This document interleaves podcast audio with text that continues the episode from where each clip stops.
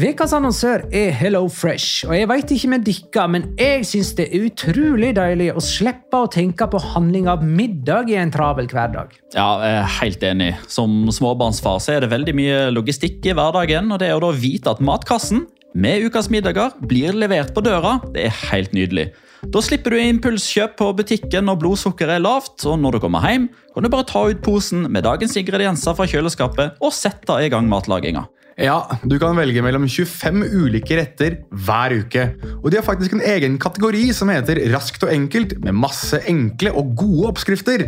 Veldig greit å ikke måtte ty til takeaway hver gang det er hektisk på jobb. Jeg gleder meg spesielt til sterk chilikylling i min neste kasse. Jeg blir sulten bare av å tenke på det. Ja, Det er ikke feil med bacon og cheeseburger heller, da. Og det som også er bra, er at matkassen koster det samme hver uke, som gjør det enklere å holde matbudsjettet. Ja, og så blir det ikke matsvinn heller, fordi du får akkurat det du trenger til hver eneste rett. Hello Fresh kan absolutt anbefales, og bruker du koden vår, LIGALOCA, kan du få opptil 1779 kroner i rabatt på de fem første matkastene hvis du ikke har prøvd Hello Fresh tidligere. Du kan også prøve koden hvis du har avslutta abonnementet ditt for tolv måneder siden eller mer. Gå inn på hellofresh.no og bruk koden LIGALOCA. Bon appétit! Hallo? Jeg kommer fra Oslo politikammer. Ine Jansen er purk. Er du purk? The motherfucking bitch. Alt jeg vil, er å finne ut hva som skjedde med mannen min. Jon Carew. Er jeg sikta for noe? Iben Akeli. Det er du. Ole So, Lars Berrum og Big Daddy Karsten. Hvem sin side er du på, egentlig? Anette Hoff, Tone Danielsen, Kommer du fra Afrika?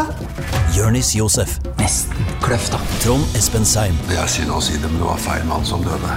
Purk. Premiere tirsdag på TV2 Play.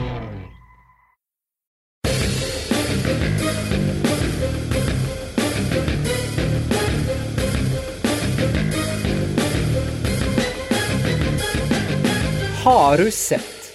Barcelona er fire poeng bak sine rivaler fra Madrid, Rayo Vallecano, etter et nytt nederlag på Camp Nou. Atletico er to poeng framfor sine byrivaler fra Vallecas, trass heimetapet for Mallorca. Real Madrid er et hav framfor alle. La liga loca. En litt gærnere fotball. Ja, ja, ja. Dette er La Liga Loca, episode 186 av det ordinære slaget med Petter Wæland i Spydeberg. Hei. God dag, god kveld, god morgen, god natt. Og Jonas Giæver i Oslo sentrum. Hei. Shalom in the home. Og Magnar Kvalvik. Eh, jeg er ikke på Bjerke nå.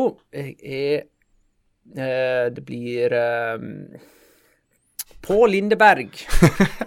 Hei på Lindeberg. Hei, Magnar. Hei, Magnar. Her, her fikk jeg både i på utfordringen og Linderud Lindeberg-utfordringen. Eh, men jeg kom eh, i mål eh, med glans. Er det noe vi skal si før vi går i gang? Eh, ja, Vi kan vel egentlig bare få unnagjort det først som sist. Dette med den pågående, eller tidligere pågående, eh, og nå avsluttede La Liga Loca-quizen.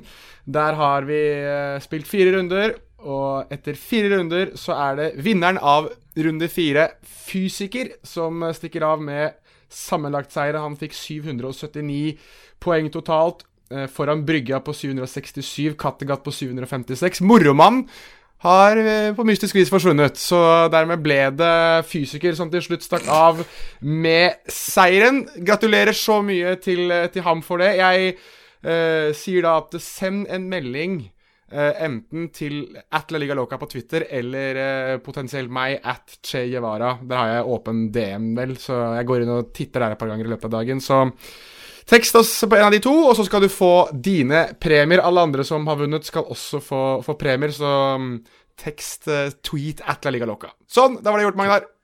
Ja, Men var det noen andre ting vi skulle snakke om? Sånn Nei, jeg syns det er eh, det er litt eh, interessant at vi sitter hver for oss, da. Og Så jeg må jo høre om alle sammen er friske og raske. Og hva er grunnen til at vi sitter så langt fra hverandre? Ja, er det noen som har vært på julebord på eh, Aker Brygge i det siste? Nei, ikke vært på noe julebord på uh, Aker Brygge, men uh, det popper jo opp i tid og utide, så det er sikkert greit å være litt føre var, er det ikke det? Jo, nei, men nå Altså, jeg har vært ramma av mye sykdom denne høsten. og skjønner ikke hva det er for noe. Jeg har ikke fått det der viruset en eneste gang. Har du blitt litt skuffa, da? Hæ? Har du blitt skuffa? Nei, nei, men jeg er skuffa over måtte Jeg har jo kasta inn håndkleet to ganger fra La Liga Loca-innspilling denne høsten. Ja, jeg kasta inn en håndkle sist. Ja, så nå, nå er det mye sykdom. Jeg tror det er dårlig immunforsvar etter eh, to år i isolasjon. Er det nå jeg skal si, er det noe jeg skal si at dere skal jo spille inn vi skal jo spille inn midtukeepisode med tanke på Champions League, vel? Og der sier jeg allerede nå at jeg kaster inn håndkle, fordi, hold dere fast, jeg skal på julebord! Så da kan det være at eh, Med mindre det avlyses, det tror jeg ikke det gjør, for det er ikke så mange i den redaksjonen jeg jobber i. Så da har vi fått runda julebord og smittefare alt i ett. Jeg gleder meg til det julebordet havner på nyhetene. Ja, det gjør jeg jo. Av flere årsaker. Nei, fy faen. Skandalejulebordet. Ja, det blir moro. Uh, runde 16 kamp for kamp begynte med Granada Alaves 2-1 fredag kveld. Antonio Puertas og Santiago Arias fra, eh, på lån fra Atletico Madrid skåra for eh, Granada. Granada har tatt fire poeng på de to kampene eh, trener Robert Moreno ikke har sittet på benken pga. den karantenen han fikk etter Real Madrid-oppgjøret.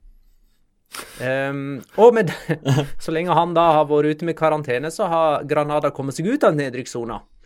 Uh, Puertas skåra fra utenfor 16-meter. Ingen lag har så mange mål fra utenfor 16-meter som Granada. Det er ganske sjukt. Det er nesten det... sånn locora at, eh, at de faktisk topper en sånn positiv statistikk. Det er ganske sjukt. Jeg syns det, det er ganske sykt at uh, den altså, mm, assistenten til Granada som har trent Granada nå de siste, de siste par ukene, er jo dommer ved Pizarro Gomez. Er det noen som har sett det? At det er jo samme mannen? Altså, De er kliss like. Jeg, jeg, jeg, jeg måtte, jeg stoppa TV-sendinga mi bare for å se er det seriøst Altså, hva, hva er det her? Altså, de, de er helt like.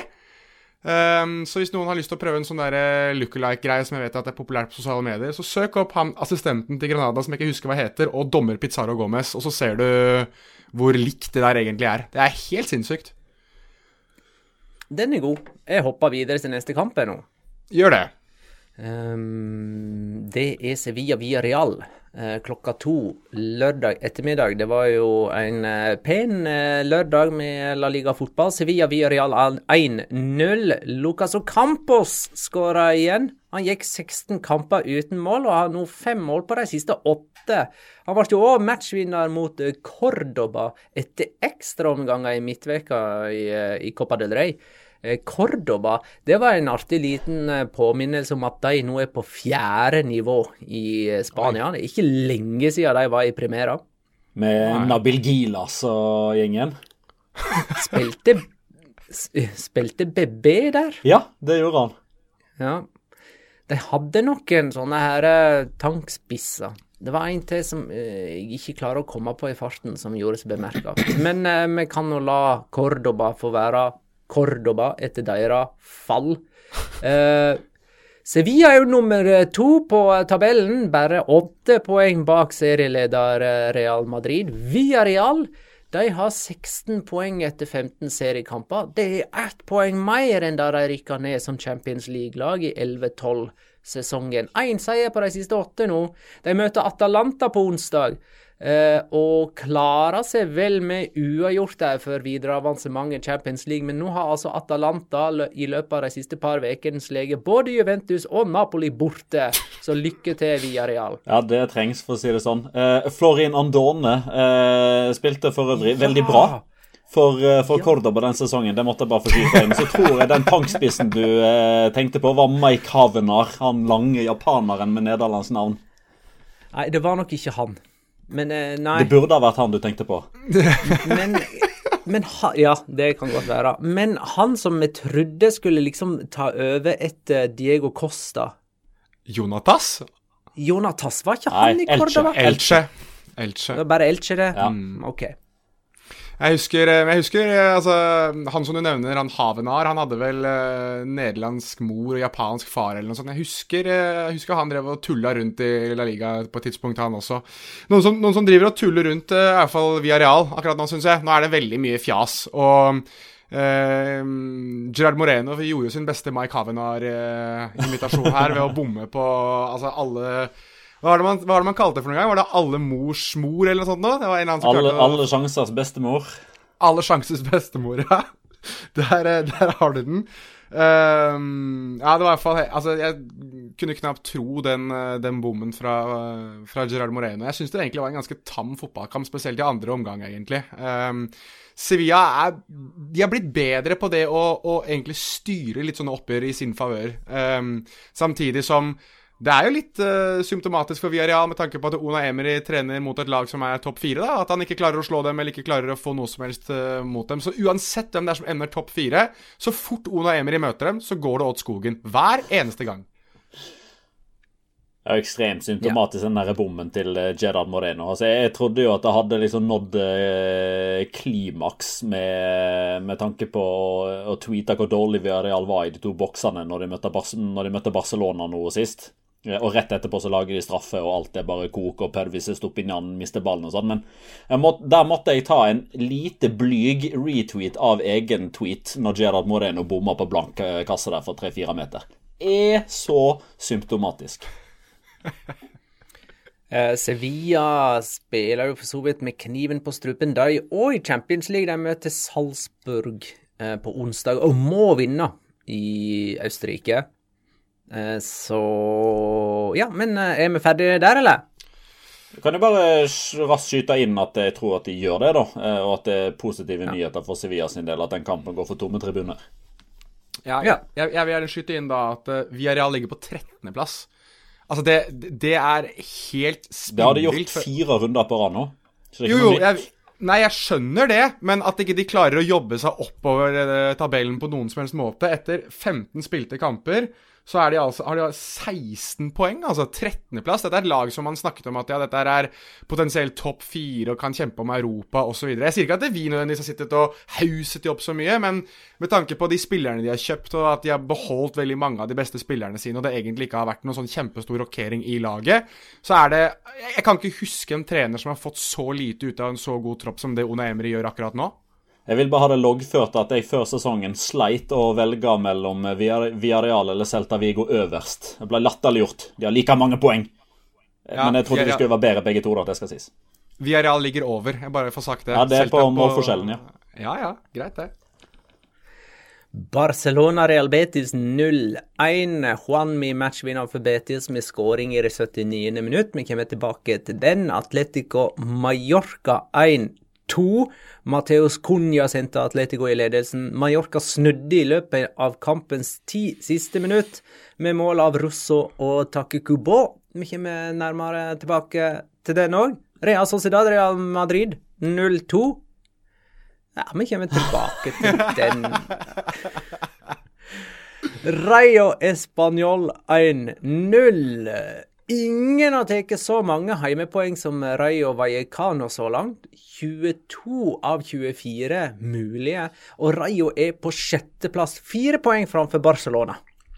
Eh, her var det sjølmål av Cabrera som eh, avgjorde eh, kamper. Gjennom La Liga-historien så har Español skåra nest flest sjølmål av alle, bare toppa av Atletico Madrid. Dette var jo to nyopprykka lag. Eh, dette er to nyopprykka lag som gjør det bra. Eh, for det gjør det nemlig alle nyopprykka lag. Det dårligste nyopprykka laget så langt det er Mallorca på tolvteplass, og de slo altså Atletico på Wanda Metropolitano. Ja, jeg syns, eh, syns den kampen her var igjen litt sånn Slet ordentlig med å komme, komme i gang, begge lagene. Men jeg, altså jeg la meg imponere veldig av Alvaro Garcia, jeg, da. Altså Gar Garcia Garcia, eh, som eh, jeg syns har vært Litt sånn som Luis Rioja er i, i Alaves. Litt sånn undervurdert eh, kantspiller som finner på det meste selv, egentlig. Jeg trenger ikke så veldig mye Eller veldig mange medspillere for å bli god. Har et helt enormt trykk ut på sida. Det er jo han som slår innlegget som Cabrera til slutt eh, klarer å klumse i, i, eget mål. Men dette her er noe han har holdt på med i flere serierunder nå, Alvaro. Han holder på mm, Altså, så fort han får ball, så er det rett fram. Det er ikke, det er ikke vurdere å spille støttepasning, det er ikke vurdere om han skal kjøre noe overstegsfinter eller et eller annet sånt noe. Det er bare ett rykk, rett fram, slå innlegg. Hver eneste gang. Og det fungerer som hakka møkk. Så mm, han slår et slag for den gode, gamle krittslikkeren, som det het i gamle dager. Um, så det er gøy å se at man har eh, funnet en sånn old school spiller som fortsatt klarer å være ganske effektiv for sitt eget lag. Elche Cádiz 3-1. Eh, Fidel Tete Morente og Hossan skåra for eh, Elche. Triumf for dem og deres nye trener Francisco. Eh, Elche ble jo til og med det mest skårende laget denne helga, og ingen andre som skåra tre mål. Cádiz eh, er på nedrykksplass sammen med Getafe og Levante. Skal vi bare ta fellesnevneren for de tre siste serierundene, da? Og det er jo at det laget som har møtt Cádiz, har vært mestskårende den runden. Faktisk. Først Retafe, og med Atletico Madrid skåra jo fire ja. Til og med Retafe skåra fire mål! Så sånn sett så lå jo Elche ett mål bak, par, eller bak skjema under pari. Interessant. Ja, men, men altså, det... nå, nå, Altså, sjøl, eh, sjøl vi som er litt sånn sjuke i huet og så driver og snakker om kule briller osv. Altså, nå, nå, nå, nå, nå er det slutt for Alvaro Servera. Nå kan han ikke få lov til å holde på lenger. Tror du det? Tror du han får sparken? Jeg håper det. Nei, Eller egentlig ikke. Jeg vil jo ha Kadis ned, så la han sitte. Ja, men altså det som, er, det som er med Alvaro Servera, er jo det at han har jo en sånn nesten mytisk rolle i det Kadis-laget der. At det sitter vel enormt langt inne å sparke ham. Det er nesten litt sånn Mendelibarsk med, med Eibar. Altså, de, de, måtte rykke ned før han på en måte nesten trakk seg selv, eller man ble enige om å ikke gå videre. Så jeg tror ikke han får, um, får sparken med mindre det blir veldig, veldig mye verre. Det kan jo det strengt tatt bli òg, da. Um, jeg, jeg, jeg syns det er noe blodfattig over veldig mye av det Kadis driver med. og når du så her er det et, et straffespark og så videre som de ikke klarer å omsette, og det er veldig mye som ikke går deres vei. Men samtidig så, så, er det jo noe De har jo hatt det tidligere, da, den samlinga i bånn hvor de rett og slett bare bestemmer seg for å ikke spille fotball lenger, og ødelegger for motstander. Det er jo noe man har sett med Servera nå den siste tiden, at han har prøvd å spille mer fotball. Eh, det må han slutte med. Altså, det, Kadi skal ikke spille fotball. Det er, det er, litt det vi må bare, bli, bli, enige med. Og så må eh, Servera og Diego Simione må egentlig bare dra på en sånn fotballrehab sammen. Og bare finne ut at det vi gjorde før, funka jævlig bra, så hvorfor skal vi drive og endre på det? Jeg synes, ja, Eventuelt så kan Alvaro Servera ta en liten kikk på Andoni Iraola. For jeg syns det er veldig mye likheter mellom Cádiz og Rayo. Mellom eh, spillermateriell de besitter, spillerne som de har. Måten de ønsker å spille på. Rayo får det til. Cádiz får det ikke til i det hele tatt. Levante Osasona 0-0. Levante får ikke det til. Eh, de har tangert den negative rekorden på 24 strake seriekamper uten seier, og denne gangen med B-lagstrener Alessio Lissi eh, på benken. Skal vi si Lissi, eller Lis Lisci Lisci eh, Han er italiener. Lisci, vel? Det er Lisci, hvis han er italiener. Ja. Lisci, sier vi da. De eh, Levante har jo sparka sin andre trener eh, for sesongen, og nå har jo flere i sportslig ledelse òg fått eh, sparken etter høstens eskapader. Uh, kan Levante reddes fra seg sjøl? Ja, det syns, ja, det syns jeg definitivt. For at det, det som er Altså, én ting er jo å gå 24 kamper bra uten å vinne. Det i seg sjøl er jo sjukt. Det har bare skjedd én gang før. Det var med et hjelpeløst lag som til sammen tok jeg vet ikke om det var 16 eller 17 poeng jeg, med pappaen til Denis Cedicev som den store stjerna, det sier vel kanskje sitt. Eh, det, ja, men det var et møkk dårlig fotballag.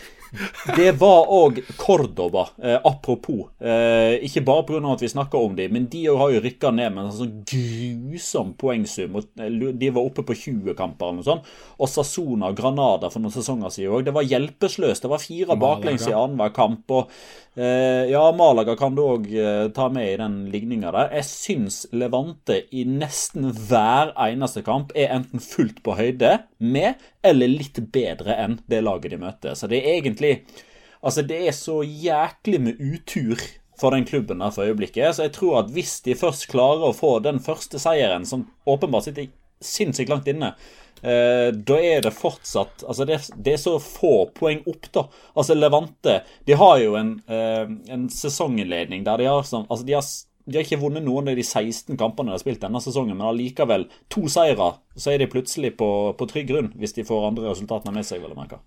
Jeg, altså, jeg, jeg, er helt enig med deg, Petter. Og det er derfor jeg syns det er så trist at de har sparka Javier Pereira. Fordi måten de spilte på, og spesielt angrepsfotballen deres, var tidvis så fantastisk morsom å se på. Altså, jeg har jo for de som er inne i patrionen vår og leser skråblikket mitt, så har jeg jo omtalt han til Sankt Javier Pereira. For så fort han kom inn, så velsignet han oss med målrike kamper i runde, runde etter runde etter runde. Problemet var bare at målene gikk ikke hans vei, de gikk for motstanderen eh, hver eneste gang.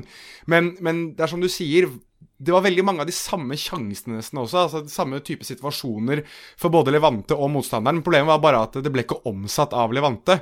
De, de, de har sett nydelige ut. Spesielt den kampen mot, mot Atletic syns jeg de var Altså De var så mye bedre enn Atletic, men de bare får ikke den uttellinga de har fortjent. da, Og da er jeg veldig enig med deg i det at Eh, spillematerialsmessig og med tanke på det, de, det, som bor i dem, så trenger de kanskje den ene seieren eller en trener som kan komme inn og, og skape litt vind i seilene. Litt sånn som for øvrig Paco Lopez gjorde sist gang han var inne. Så spørsmålet er jo om han plutselig dukker opp igjen, han nå. Ja, det, altså i, i, mine øyne, da, hvis man ser på La Liga-tabellen, så syns jeg det er tre lag som er eh, Nå skal jeg bruke en sånn eh, travspråkmetafor. De er langt bedre enn raden. Eh, altså Hvis du går på Bjerke travbane og ser en hest som bare står med stolpe, og som bare har vært diska eller havna på åttendeplass osv., så, videre, så kan, hvis man liksom har sett løpene, så kan man si jo, men han hadde, det var dårlig kusk, og han ble innestengt og satt igjen med mye krefter og var uheldig som galopperte på siste indre, bla, bla, bla. bla, bla. Det er Celta Vigo, det er Viareal, og det er Levante. Eh, det som er forskjellen her, er jo at Levante ikke har hatt is i magen. Eh, det har enn så lenge Viareal og Celta. og Så får vi jo kanskje se da om, eh, om, det er Levante som har gjort riktig, eller om de har gjort feil ved å begynne den sparkebonanzaen. Eh, Levante møter Español borte på lørdag. Og da kan de stå med rekorden alene, eventuelt, da, på 25 strake La Liga-kamper uten seier. Celta Vigo Valencia 1-2 Iago Aspas sendte Celta Vigo i føringen, ble skada og måtte ut, og dermed snudde Valencia kampen med mål av Ugo Doro og Maxi Gomez, som uh, gjorde et veldig stort poeng av at han ikke skulle juble mot gamle klubben. Um, Ute av trening, vet du, så han veit ikke hvordan han feirer mål lenger. Ja, hva, hvor mange mål har han? Ja, to. Mm, to denne sesongen. Han var vel kanskje ikke en belastning for Valencia akkurat i denne kampen, da. Uh, Celta Vigo har én seier på sine ni heimekamper denne sesongen. Uh, Eduardo Codet ble jo ikke sparka i uh, november, men blir det nå i desember. Uh, og så er det jo flere som uh, vil at vi skal snakke om uh, Iago Aspas, f.eks. Jørgen M. Kanestrøm. Eh, som legger ved en uh, tweet om uh, at uh, Jago Aspas var utrolig utspekulert og smartere enn Einstein med sin manøver etter at han skåra. Ja, stemmer det. Ja, Fortell, da. Nei, altså, mannen står jo med fire gule, og kjenner jo at det nipper litt i, napper litt i lysken når han setter inn målet der. Så han han stiller jo sin egen diagnose sekundet etterpå og skjønner at eh, jeg spiller ikke den neste La Liga-kampen uansett. Eh, så la oss feire denne skåringa etter eh, hva var det da, åtte-ni minutter ved å dra av eh, trøya. Få et gult kort, eh, sone den karantenen i den kampen han uansett ikke ville spilt, og trenger da fem eh, nye kort for å være suspendert i La Liga. Dette er det man kaller et vaskeekte, perfekt utført Tarjeta Forsada. Ja. Uh, skal vi si noe om Valencia som vinner denne kampen, da? Ja, nå Fem kamper nå, da, uten tap. Um, La Bordaleta, som strengt tatt har uh, nesten havarert uh, tidligere sesongen, virker som er tilbake på rett kjøl nå. Har fått på noe sånn, på si, sånn god gammeldags ducktape. Og um, skroget er ute på vannet igjen.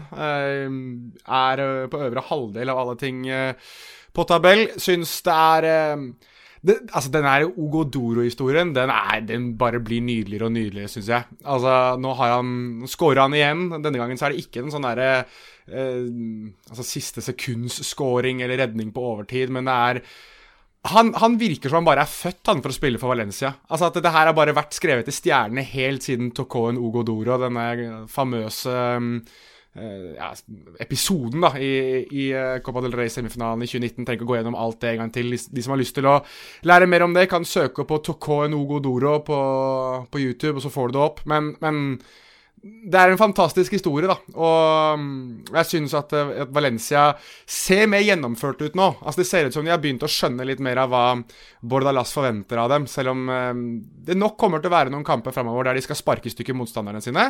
Men det gir resultater, så jeg skjønner liksom ikke helt uh, hvordan man kan nødvendigvis klage på det heller. Men, men, det, men det, er så, det, er så, fint at du sier det der med at de skjønner litt hva Bordalas er ute etter osv. For jeg, jeg, måtte, jeg, måtte, sitte og le litt for meg sjøl når den ene Valencia-spilleren etter den andre ja, altså de, På et tidspunkt der så var det tre mann som lå nede og hadde krampe eller fikk behandling eller hadde vondt ja. samtidig. Og jeg tenker litt sånn Nå har dere tatt det litt for bokstavelig, for nå dere ødelegger egentlig litt for dere sjøl, for dere må vente til han ene har reist seg, så må nummer to legge seg, og når nummer to har reist seg, da må nummer tre legge seg. Så de har fortsatt litt å gå på før de er fullt tiltrett Haffe. Men, men, bare for å ha sagt det òg, jeg syns det er gøy at Og jeg gleder meg til det kommer, for det kommer til å komme et punkt der noen tar Bordalas på dette her, og han skal fyre seg opp på en pressekonferanse. Det vet vi at det har jo skjedd flere ganger, hvor han fyrer seg opp over at han blir anklaget for å være kynisk og jævlig. Jeg bare gleder meg til han begynner å snakke om at han også er barn av Johan Cruyff, slik som en annen ligatrener har gjort ved et par anledninger. Så det, det, blir bra. Jeg gleder meg litt til Valencia-Barcelona Valencia når du får Bordalas mot Xavi, for da får du jo sønnene til Cruyff tydeligvis som møter hverandre. Det blir bra, det. Eh, og Celta Vigo møter altså Mallorca allerede på fredag uten Niago Aspas, og det er der hvor det trykker. ja. Ja, det, ja det, det, det, skal ikke du se bort ifra. For uten Aspas eh, altså de, de kommer til å svømme tilbake igjen til fastlandet etter den kampen der. Kampen vi ikke har fått sett, det er Retafe Atletic med avspark mandag 6.12. Eh, klokka 21. Eh, den har ikke vi fått sett. Abrahamsen vil jo at vi skal snakke om Atletic. Men kanskje vi skal heller snakke om dem neste gang? Eller har spilt. Kanskje vi ikke skal snakke om dem i det hele tatt. Mm, nei, jeg og Jonas snakka litt om dem sist. Uh, der jeg eh, mer enn antyder at jeg ikke er sånn kjempeimponert over um, det Marcellino har fått til der, egentlig. Nei. Uh, og så vil jo Abrahamsen da at vi skal snakke litt om dette med Basker policy og om det er en stall god nok til å utfordre topp fire, eller om det er liksom en eh, Men det jeg heller kunne tenkt meg å, å, snakke om, fordi Atletic er jo blant uh, de tre utbryterne fra den CWC-avtalen som har kommet opp med noe helt eget skit nå, Proyecto Sostenible, som bare skal destabilisere det der CWC-greiene. Jeg hadde forventa det av Laporta, jeg hadde forventa det av Peres, men at Atletic driver og blander seg bort i det der skitne spillet der det, da, da, kjente jeg at da, da, sank den klubben litt i anseelse.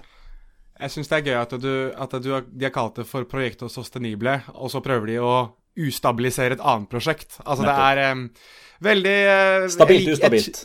Stabilt ustabilt. Det er, det er, godt jobba av Athletics. Du kan godt slakte dem, du, Petter. Jeg hyller dem for kreativiteten i navn, for jeg tror at det er et stikk i retning CWC sånn egentlig. Greit. Da er det på tide å ta de eh, tre eh, mest oppsiktsvekkende kampene mer i, nærmere i øyesyn. Vi begynner med Barcelona Real Betis, eller? 0-1 ja. på eh, kamp nå. Fortjent at Betis vant, eller spiller egentlig ingen rolle? Da, spiller ingen rolle. Da har blomsten visna. Chavis blomst har visna, folkens. Det er ja, for det var vel et øyeblikk vi tenkte nettopp det at uh, her Xavi-flaksen lever videre fordi at uh, Real Betis skåra, og det var en knapp offside, og så sto det fortsatt 0-0.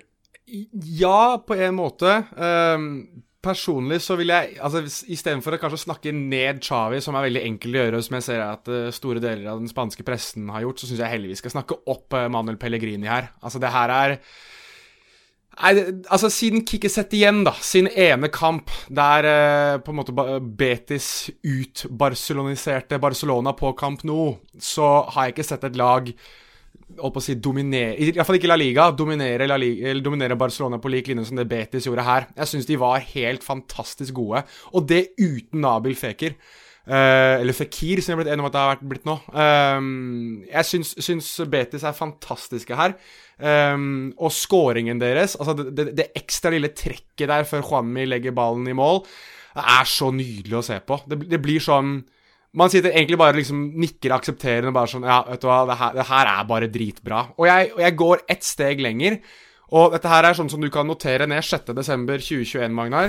Jeg sier nå, nå at topp fire i La Liga når sesongen er over Atletico Madrid, Real Madrid, Sevilla og Real Betis. Garantert! Uh, ja. ja, Real Betis er nummer um, tre. De er nummer tre, bak, rett bak uh, Sevilla. Mm. Uh, og jeg står jo fortsatt på det at det blir en kamp mellom de to om fjerdeplassen. Ja, det blir jo seriegull, ja. men spørsmålet er jo hvilken uh, Sevilla-lag som tar det. Uh, jeg får vel fortsatt stå på den, da, selv om Real Madrid prøver å motbevise meg så, så godt det, det, lar seg gjøre. Men altså, den kampen der var veldig Eller den, den, ble litt spesiell for min del, fordi jeg fikk se førsteomgangen, og så satt jeg liksom og gleda meg skikkelig til den andre omgangen. Fordi jeg syns det var så interessant å se måten eh, trenerne eh, agerte med de spillerne de hadde tilgjengelig. Eh, spill mot spill eh, osv. Eh, jeg syns det var en, en, veldig interessant fotballkamp. Men så fikk jeg ikke sett andre omgangen før mange timer etterpå fordi jeg var på jobb. Eh, og dermed så mista jeg litt av uh, Hva skal jeg si Altså, jeg hadde liksom ikke det samme fokuset når jeg så den i opptak etterpå, for da hadde jeg fått med meg resultatet.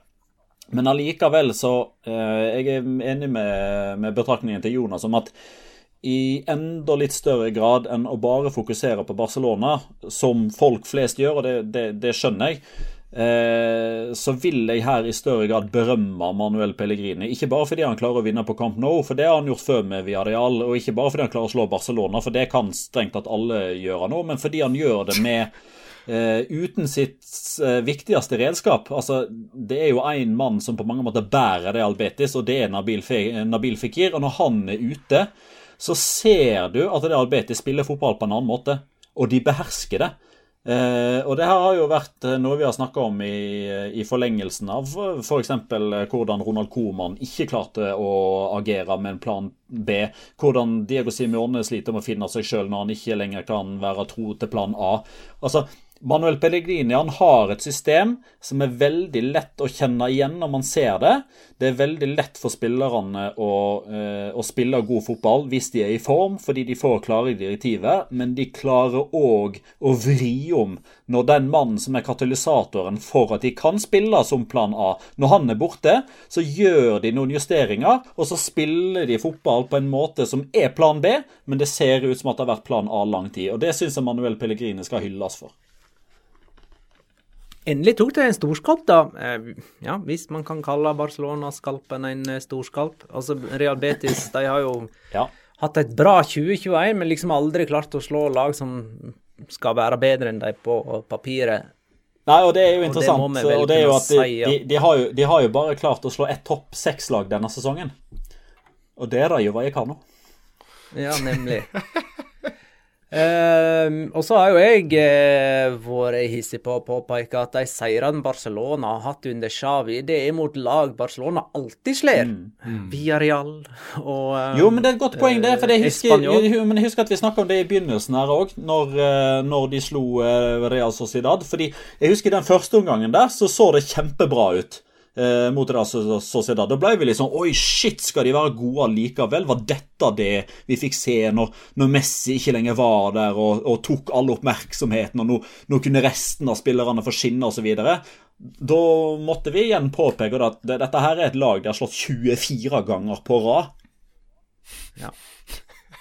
Eh, og nå skal altså Barcelona slå eh, Bayern München på onsdag for å ta seg videre i eh, Champions League. Det, det er altså, så vidt jeg kan se, absolutt ingen som har den minste tro på. Nei, jeg, jeg, har ikke troa på det, men jeg har faktisk troa på at Dynamo Kiev får med seg et poeng, i det minste, fra Benfica, altså fra kampen i Lisboa. Og jeg tror det er den kampen man kanskje har glemt litt i det hele. At man bare har innkassert at Benfica skal vinne der.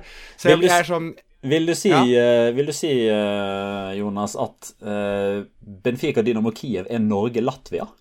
Ja, helt, det er veldig god sammenligning, Petter. Jeg, jeg føler at det er det. At har, man har bare glemt at den kampen også skal spilles. At Benfica skal faktisk slå Dynamo Kiev. Og jeg tror Altså, Dynamo Kiev er et Champions League. det er ikke sånn at det er et kasteballag. Altså, Dynamo Kiev har en stolt og sterk europeisk tradisjon.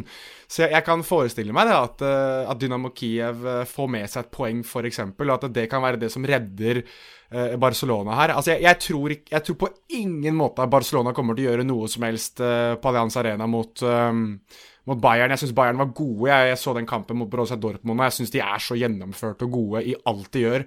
Altså, det, er, um, det er vanskelig å komme på et fotballag i verden som er bedre enn Bayern München akkurat nå. Men jeg kan forestille meg at det, at det er Hvis, det, hvis den der blomsten skal ha noen form for uh, å si, ikke-visnede deler av seg igjen, så er det nok det at de kanskje får noe ut av det oppgjøret her mot, uh, mot Bayern München i det at Benfica driter seg ut. Jeg ser jo nå at uh, Marca skriver at uh, i budsjettene til Barcelona før denne sesongen her, så har de uh, altså de har bokført på mange måter tatt økonomisk høyde for at de kommer minst til kvartfinalen i Champions League. Uh, og det vil jo faktisk da si at ryker de uh, mot Bayern München og eller ikke får hjelp av uh, Dynamo Kiev, så, så, vil tapet være 20,2 millioner euro ved å ryke. Og så vil de jo selvfølgelig kunne plusse på med noen premiepenger hvis de f.eks. skulle vinne Europa League. Uh, som sikkert mulig, selv om de ikke vil være favoritter i noens øyne. I hvert fall ikke mine. Eh, skulle de allikevel klare å minimalisere skaden i løpet av Europa League på våren, så vil de uansett tape minst 8 millioner euro på å ryke. Å nei, hvordan skal de få kjøpt Ferran Torres nå? ja, Benfica må altså vinne sin kamp. Så hvis ikke Benfica slår Dynamo Kiev, så klarer Barcelona seg med eh, tap i München. For tomme tribuner? Uh, for tomme tribuner der òg, ja. Mm. Uh, vi må jo bare få nevne her at uh, Juanmi, som ble matchvinner, har skåra fem mål på de siste tre seriekampene nå for Real Betis. Han har ni mål nå i La Liga. Bare Benzema og Venicius har flere.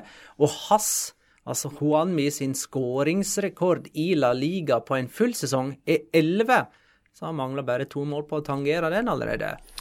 Ja, jeg synes eh, det, er, det er morsomt at du nevner Magnar. Altså, tenk, Jeg har sagt det før, men forestill den klubben der. De har Borja Iglesias, William José og Juanmi. Og så er det Juanmi som har skåra mest av de, av de uh, spillerne der. Det hadde jeg aldri trodd, ass.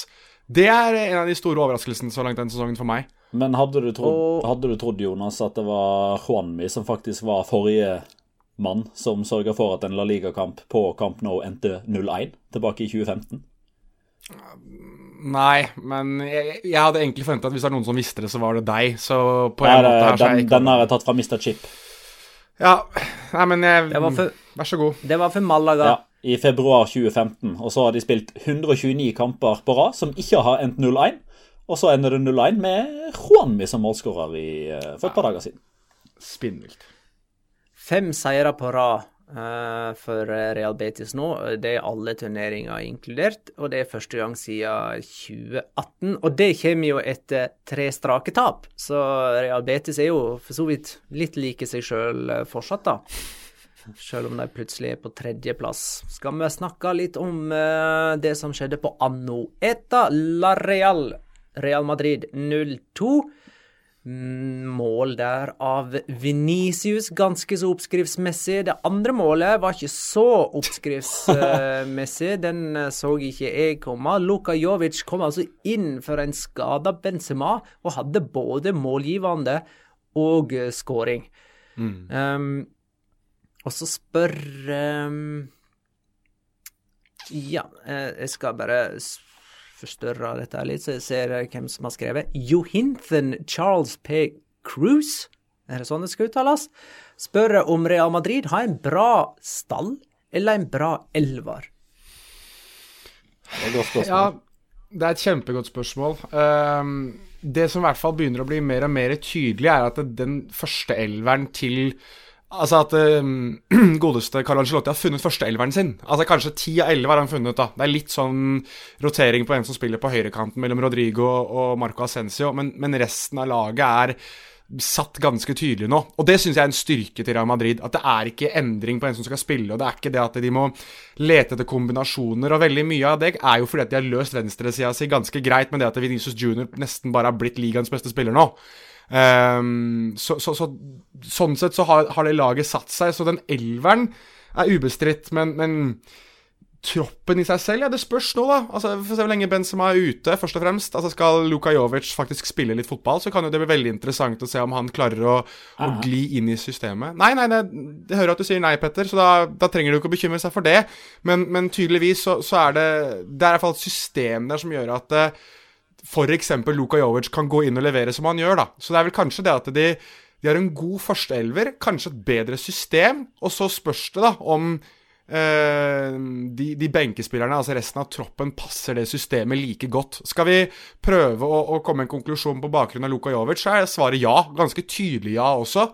Så, så det blir interessant å se om Carlo Angelotti etter hvert tør å rotere i større grad enn det han gjør nå.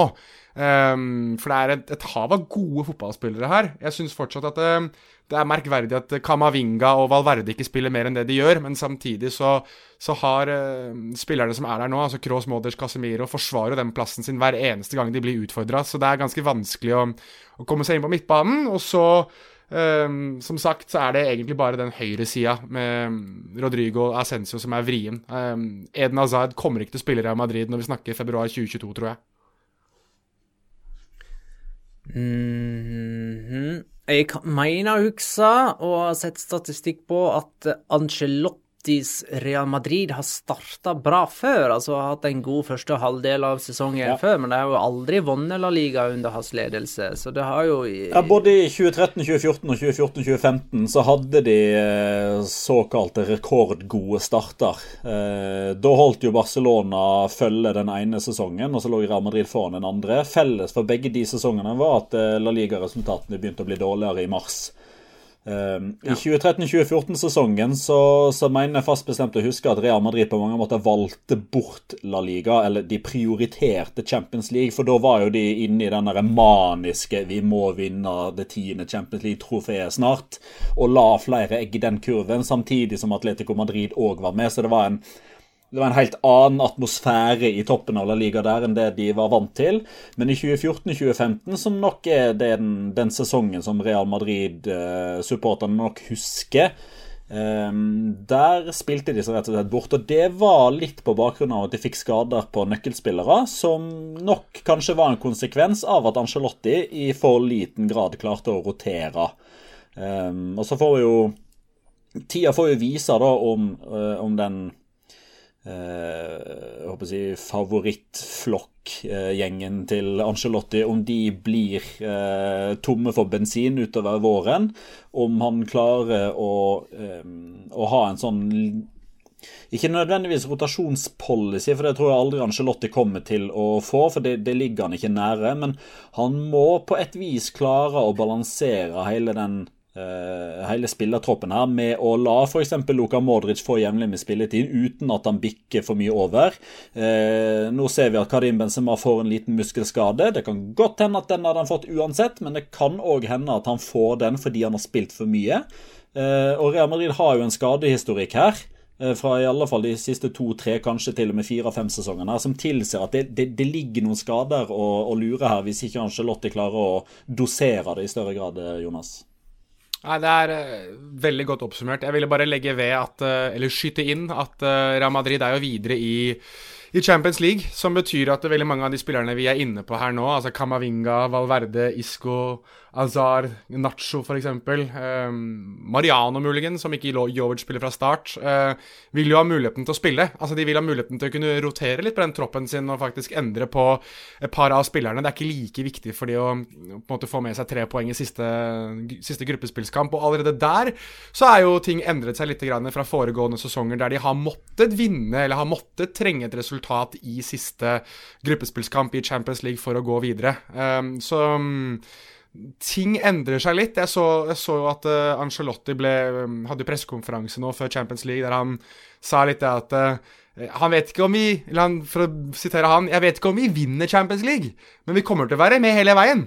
Så det er, det er, tydelig at uh, man, man, uh, man, skal kjempe på flere fronter her. Og når man ligger så mange hakk foran uh, motstanderne i, i La Liga. Altså den, den ledelsen til Barcelona, bar, nei, til Barcelona sitt Real Madrid på bl.a. Barcelona er jo sinnssyk. Altså 16 16 poeng mellom Real Madrid og Barcelona. Altså um, Barcelona har vel er det, er det 13 poeng ned til Getafe, som ligger på nest sisteplass? Altså, det er det er, det er spinnvilt, den klasseforskjellen mellom de to lagene nå, og også mellom Real Madrid og resten av ligaen. Fordi det er um, Sevilla, som er på, på andreplass med 31, og én kamp mindre spilt riktignok enn Real Madrid, som har 39. Men sett at Sevilla vinner den kampen, så er det fortsatt fem poeng opp til Real Madrid. Altså, det er, det er blitt uh, et seierslokomotiv.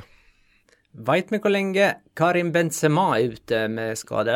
Nei, vi, vi vet at han ikke spiller mot Inter, og at han antageligvis kan bli klar mot, uh, mot Atletico Madrid. Så det, det er ikke snakk om en sånn to-tre ukers variant. Det er det ikke. Ja, for det er jo litt viktig kanskje for Real Madrid at han er tilbake til Madrid Derby søndag eh, kveld. Eh, Jovic skåra for Real Madrid mot eh, La Real, men det var altså bare hans tredje mål på 41 kamper for klubben. Han skåra ett mål i året. Eh, Real Madrid har åtte seire på rad siden 0-0 hjemme mot Osasona i oktober, og har jo lagt bak seg ei meget sterk uke med seier mot Sevilla, Atletic og Real Sociedad. Eh, var det ikke hens på Casemiro? Jeg mener den skal dømmes, i hvert fall. Jeg syns den var ganske Igjen nå gjetter jeg på at Petter kommer til å komme med en sånn eh, regelutredning eh, om hvorfor det ikke blir gitt hens, men uh, jeg... jeg kan ikke fatte og begripe at det der ikke er en straffbar hens. Jeg er enig. Petter? Nei, jeg har ikke noen god forklaring. Nei, du Hæ?! Har ikke du en forklaring på det her? Det er, Nei, jeg altså... hadde ikke noen god forklaring på den til Gerard Piquet forrige helg heller. Det er ikke noe annet enn at det er menneskelig feil. da. Det får det ikke med seg i VAR-rommet. Det er helt utrolig. Vent, vent, litt. Nei, nei, nei, vent litt. Du sier at de får det ikke med seg i VAR-rommet. Altså, det er Dommeren får det ikke med seg på banen, det er nå én ting. Ja. Men er det ikke det VAR er der for, da? At det jo. dommeren av menneskelig årsak ikke får med seg, skal VAR få med seg? Ja. Men så ser, ja, så, de, så ser, de, på situasjonen, og så tenker de ja, nei, den er jo ikke straffbar, den, og så går de videre. Der ligger den menneskelige feilen. Hva faen er det de så på for noe da? Gullrekka, eller? Hva faen er det? De kan jo, men du må, ikke, du må, ikke, glemme at det er liksom ikke bare en videodommer som sitter der. Du, du har sånne EVS-operatører som skal finne bildene. Det kan godt hende at det, det var de som rett og slett ikke fant uh, det man skulle se etter. Ja, men ty tydeligvis produseren som uh, klipper for TV2 fant jo disse greiene her og kunne vise det ganske mange repriser. Altså, så, så, tydeligvis er det han da som burde sitte der og sende over de klippene. For jeg syns de Jo, jo men TV-produseren viste jo oss bilden. Ja, men, it, men jeg vil jo tro at uh, Jeg vil jo håpe at uh, VAR og AVAR Altså, det er jo faktisk en assisterende VAR-dommer der òg. Altså, jeg vil, ja, ja. vil jo håpe Nei, det, at den så det. Det er helt utrolig. Ja. Det er ikke TV2 som produserer bildene fra Spania, Neida. bare sånn by the way. Nei, jeg vet at det er ikke de som gjør det, men de får, det jo, men de får jo tilgang på de samme bildene. Altså, det er jo en sånn der world feed som går ut. Altså, jeg vil jo tro at uh, Jeg vil jo håpe at VAR-dommerne faktisk får tilgang på de samme bildene, for de hadde de sett de bildene der, det, de òg. Altså, det virker som at uh, TV-produsent, eller producer, fikk det med seg, men ikke var operatør og videodommer da, i VAR-bussen. Mm. Ja, det er i hvert fall det er symptomatisk for den der eh, La Liga-karrieren, eller Real Madrid-karrieren generelt sett, til Casemiro. Altså, det er sånn, det er kun han som kommer unna med ting som det der. Ja, men Kanskje, kanskje det var det som var årsaken, da. Hvem var det som helst sa? Hvem var det som helst sa? Det var Casemiro. OK, play on. Uh, Atletico Madrid-Mallorca endte altså 1-2. Um, nevnte det i stad, at Atletico bare har vunnet tre av sine siste ti kamper på Wanda Metropolitano? Det gjorde jeg ikke, men det er fakta. Jeg tuller ikke. uh, og det er første gang under Diego Simione at Atletico Madrid taper en heimekamp mot et uh, nyopprykka lag. Uh, der var det altså sånn at uh, Atletico tok ledelsen ved Cunha, var det i sånn 69. minutt ca. De holdt ledelsen i ti minutter uh, før Mallorca utligna. Og så sendte de vel mann og mus i angrep, da, Atletico, mm. for en seier. Det gjorde de. Det er riktig. Og ble straffa i andre Det skulle ikke de gjort. Nei, altså Jeg ville tro, da, at når Atletico Madrid-spillerne får se disse scoringene her i reprise, så vil Når de først ser Rosås en heading, så vil de tenke at Vent nå litt. Var ikke det sånn som vi holdt på med i 2013-2014, da vi sendte opp Dio Godin for å gjøre sånn for oss? Og så vil de se skåringa til Koba, og så vil de si Vent nå litt. Var ikke det sånn vi holdt på med for et par sesonger siden, da vi sendte Antoine Griezmann ene og alene i kontring mot motstanderlag som kastet altfor mange framover for å prøve å skåre på oss? Altså Det er to skåringer som på veldig mange måter oppsummerer to av de største tidene, eller kall det epok-tidsepokene, til Diego Simione i Atletico Madrid. Altså det, det, det, var, det, var, som å se de holde på selv. Eh, Mallorca ut Atleticoa Atletico Madrid. Det Å nei, altså jeg vet at Vi har fått en del spørsmål om Atletico Madrid og folk som lurer på liksom, er det et godt lag, og hva skal vi lese ut av dem. Og vet du hva? Litt sånn som med, med hens-regelen. Jeg har gitt opp, jeg. Jeg har gitt opp uh, Atletico Madrid. Jeg skjønner ikke hva de driver med lenger. Jeg skjønner ikke hva planen er. Jeg skjønner ikke hva Diego Simione tenker. og Derfor jeg sa det at uh, Jeg håper at Alvaro Cervera og Diego Simione tar en telefonsamtale til hverandre og finner ut av en eller annen sånn fotballrehab, der de rett og slett bare går tilbake til det de var gode på. Fordi nå er ikke Diego Simione god på noen ting, syns jeg. Altså, Ingenting. Men altså Simione klarer jo åpenbart nå, av forskjellige årsaker, ikke det Angelotti klarer, nemlig å sette den elveren sin. Eh, så skal det sies at der Real Madrid nå i stor grad har hatt eh, en bedre høst med tanke på eh, hvorfor skader de har hatt, sammenlignet med tidligere sesonger, det er jo årsaken til at Angelotti har satt elveren sin i stor grad. Det har jo ikke Simione kunnet ha gjort fordi eh, stort sett alle har vært ute med et eller annet. Altså Bare i denne kampen her, så altså Savic går ut etter ti minutter, liksom. Eh, men samtidig så er det jo den Eh, denne litt sånn onde spiralen som de er inne i nå, det er jo åpenbart vanskelig å komme ut av fordi Simione føler at han kan ikke kjøre spillerne sine altså den samme elveren gang etter gang etter gang. etter gang, Både pga. skade, men òg fordi det kommer viktige kamper hele veien. Altså, Jeg tror Angelotti nå har kjørt den samme elveren i de tre seriekampene som hadde spilt nå i løpet av de siste åtte-ni dagene, fordi han vet at den interkampen der klarer de seg med uavgjort. Der kan han eh, spare noen spillere. Eh, taper de, så er det fortsatt ikke verdens undergang, for de er garantert videre uansett. Mens eh, Atletico Madrid nå skal jo til Porto. Eh, de må vinne der for å gå videre i, i Champions League. Og Derfor starter Joao Felix på benken, derfor starter Thomas LeMar på benken, derfor starter Luis Suárez på benken. Eh, og så kommer den Savic-skaden i tillegg, som gjør at du får aldri satt det der eventuelle maskineriet i gang. Mm. Eh, også eh, til den kampen mot Porto, som eh, Atletico må vinne. Det er tirsdag kveld.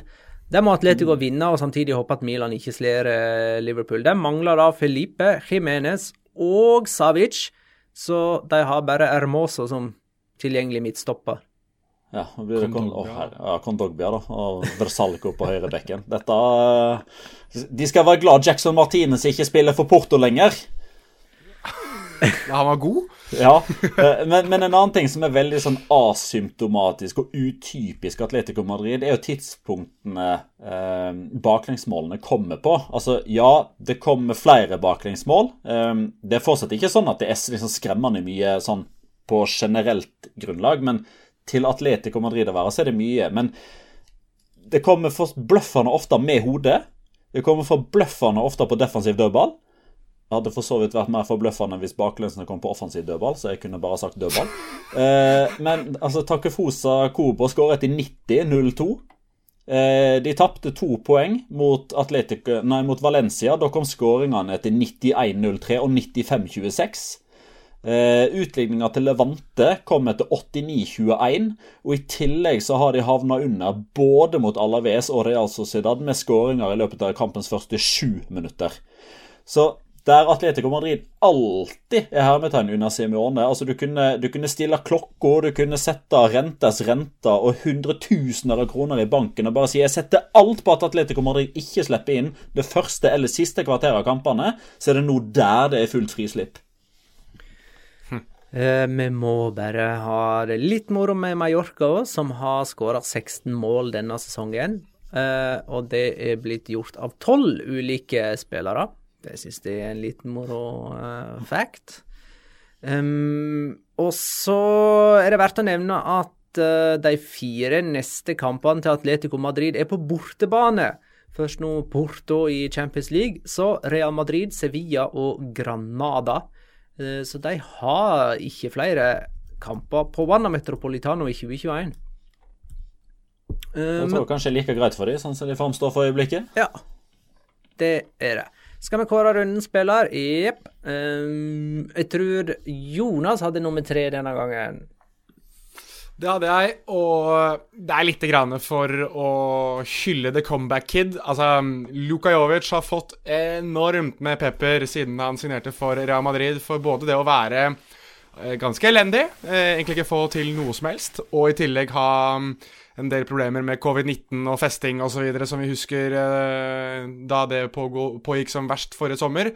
Um, men her er han rett og slett uh, Luka Jovic fra Eintracht Frankfurt-tida. Altså. Han er uh, spesielt um, Skåringa og måten han spiller opp Venicius på, er Altså, det framspillet er så klasse at uh, man kommer ikke utenom å gi Luka Jovic uh, posisjon nummer tres. Ja, og så er det jeg som har nummer to fra samme lag. Uh, der har jo det flere Real Madrid-spillere som på en måte tatt store steg denne høsten her. Venicius er jo en av dem, og så har jeg en i andre enden. Det er der Militao, som jeg mener vi har nominert uh, tidligere. Jeg vet ikke om jeg kårer han til rundens spiller den gangen, men jeg syns uansett at uh, han var enda bedre mot Real Sociedad enn den gang da han ble nominert sist, og dermed så må han nesten nomineres nå kanskje banas beste på Anueta. Eh, og så hadde vi jo en trippel retafe her for, et, eh, for, to episoder siden. Og dersom Real Madrid sin siste kamp, den mest aktuelle kamp, hadde vært mot eh, Atletic, så hadde det vært eh, Real Madrid-keeper Tibor Courtois som hadde fått førsteplassen. Men det er Elche-keeper Edgar Badia som faktisk får den, når jeg nå endelig har fått lov til å få førsteplassen. Eh, det er jo en tidlig julegave, dette her. Endelig så fikk jeg numero uno. Uh, apropos comeback, uh, Kid. Uh, vår trofaste La Liga Loca-lytter og venn Eirik Horen har jo snakka varmt om Edgar Badia og forbanna seg over Kiko Kasia med voodoo-dukker og alt som uh, fins av ganning og sånn annet overtroisk eh, greier. Nå ser det faktisk ut som at det har begynt å, å betale seg. For hadde det ikke vært for godeste Edgar eh, Badia, så tror jeg ikke Francisco hadde vunnet i sin La Liga-debut for Elche. Han redda bl.a. et straffespark. Det står eh, i stort sett alt av matchrapporter osv. at den ballen gikk i stolpen. Det er riktig, det, men det var pga. fingertuppene til Edgar Badia. Og det var kun én av mange gode av totalt seks redninger denne eh, runden, som var den beste keeperen. Eh, og keepere glemmer vi titt og ofte, så nå skal de få lov til å skinne litt, og Edgar Badia han eh, skinte mest av alle. Da er det tid for Locura! Ukens La Liga Locura. Locura. Locura. Locura. La Liga Locura. Jeg kan, eh, jeg kan starte, jeg. Um, jeg veit ikke om dette er spektakulært i en historisk sammenheng, men jeg synes det blir skåra veldig mange sjølmål i eh, La Liga nå. Det, det, er flere ting som det er mye av. Det er mye straffe. Mye mer enn det vi har vært vant til. Og eh, jeg syns det er flere sjølmål enn det vi er vant til. Og det har blitt skåra 19 sjølmål, og det er altså Eh, knapt spilt 16 serierunder. Vi har jo ikke fulgt 16 serierunder engang. Eh, og det er nesten dobbelt så mange sjølmål som på tilsvarende tidspunkt forrige sesong. Da var det 11, og der slutta det altså på 30. Så det, det ligger godt an til eh, vesentlig flere sjølmål i La Liga denne sesongen. her. Noen av dem er skikkelig komiske. Jeg kåra Aisa Mandi sitt sjølmål som det beste så langt, men jeg likte jo òg Oh, eh, Maximiano, er det det han heter? Granada-keeperen mot Atletic i forrige runde. Men hvis du spør Jonas, så har det jo bare blitt skåra to, maks tre sjølmål. Du gir jo alle sjølmål til den eh, spilleren som var sist borti ballen på det laget som skårer. Nei, jeg har sett Venezia Junior skåre sitt første mål i ligaen, jeg, mot Valladolid. Så jeg vet ikke hva du, hva du snakker om. Men uh, ta Nei, jeg var der og så det sjøl, jeg. ja, ja, det var det. Jonas. Ja, jeg kan ta min. Uh, jeg syns det var um, litt moro. Jeg satt og så Rayo mot, mot Español, og litt sånn jeg forventet det. Det begynte jo å bli litt uh, hett rundt øra på et par mot slutten der. Og um, det eksploderte jo ganske greit. Um, og når dommer da flekker opp det røde kortet så er det til um, en spiller jeg ikke helt visste hvem var. Uh, jeg satt og så drakt nummer åtte, Español.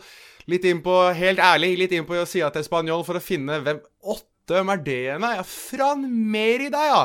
Fran Merida har da ikke spilt i La Liga siden serierunde ti. Da fikk han åtte minutter mot Elche, siden han sitter på benken i hver eneste kamp. Og da tenker jeg, vet du hva, da skjønner jeg hvorfor du har lyst til å bli litt forbanna når du først kan, og få opp aggresjonsnivå og tenningsnivå grann. Men det å dytte borti en motstander og be han om å dra til helvete, og nå muligens være suspendert i tre kamper, det Kanskje Det er innbytterpuls med Altså innbytter som ordet du skal understreke ganske greit der. Han ble aldri helt den nye Cesc Fabregas, han. Ja, mye skader, stakkar. Ja, det var bare skadene som stoppa han. Ja, bare skader. Eh, vi skal holde oss i, i Vallecas, for jeg må viderebringe en eh, statistikk fra, fra Mr. Chip. Eh, han er jo veldig flink til å sette ting i perspektiv og fortelle hvordan det har gått med lag som har gjort det så så bra etter så så mange serierunder tidligere. Og det er jo Rayo Vallecano vi skal fokusere litt på nå, for de har jo tatt 22 av 24 poeng på hjemmebane. og det er totalt 23 lag som har hatt en tilsvarende start eh, i La Liga eh, i, eh, i, dette millenniet, altså på, på denne sida av, eh, av 2000-tallet. Eh, og 22 av de 23 lagene endte topp 6. Eh, det var bare ett lag som ikke klarte det. Ville man jo kanskje tro at ja, men at de må ha vært nærme. De må havne på en syvendeplass eller åtte. Klink øvre halvdel. Nei da! Det var det Oviedo det i 2000-2001. De rykka ned. Så Rayo Dere er ikke klare ennå, altså. Dere er ikke klare ennå. Fortsatt muligheter. Ja, ja, men det var Det var locoraen der. Skal vi tippe nå? Det skal vi. Mm, forrige kamp var Real Sociedad Real Madrid, som endte 0-2 med Venicius som første målskårer. Jeg hadde 1-2 med Oyarzaba som første målskårer, så det gir meg ett poeng. Petter hadde 0-1 med Benzema som første målskårer, det òg gir ett poeng. Og Jonas hadde 0-2 med Ascencio som første målskårer, det gir tre poeng. Jeg har 21, Petter har 9, Jonas 7. Og neste kamp er selvfølgelig Madrid-derby. Real Madrid, Atletico Madrid søndag klokka 21. Jeg sier 2-1 og Venicius som første målskårer. Petter? Jeg sier 2-0, og første målskårer er eh, Han blir klar. Benzema. Benzema. Og Jonas? Nei, 3-0. 3-0. 3-0. 3-0. Jøss. Ja, men da, da, får jeg det jeg ville ha. Da, jeg skulle faktisk si 2-0 og Stor kamp. Det er én stor spiller. Big game Karim. Det, så altså Karim Benzema. Ja, ja. ja. Da Ikke Karim Messediri, altså? Nei, ikke Karim Messediri. Uh, han var nummer to. Da runder vi av, og så ønsker vi patrionene våre velkommen eh, sånn cirka torsdag til en evaluering av spanske lags innsats i Champions League denne veka. Hmm. Suverent. Det gjør vi. Da får, du, eh, da får, du, sette deg ned som en vaskeekte patrion og lytte, du da, Jonas. Og så får du ha et eh, fint julebord. Ikke pådra deg noe, og ikke pådra andre noe heller. Jeg skal uh, Oi, woo! Uh, jeg skal prøve å hvert fall holde meg unna honningkornviruset så langt det lar seg gjøre. Takk for at du lytta, kjære lytter. Ha det, da.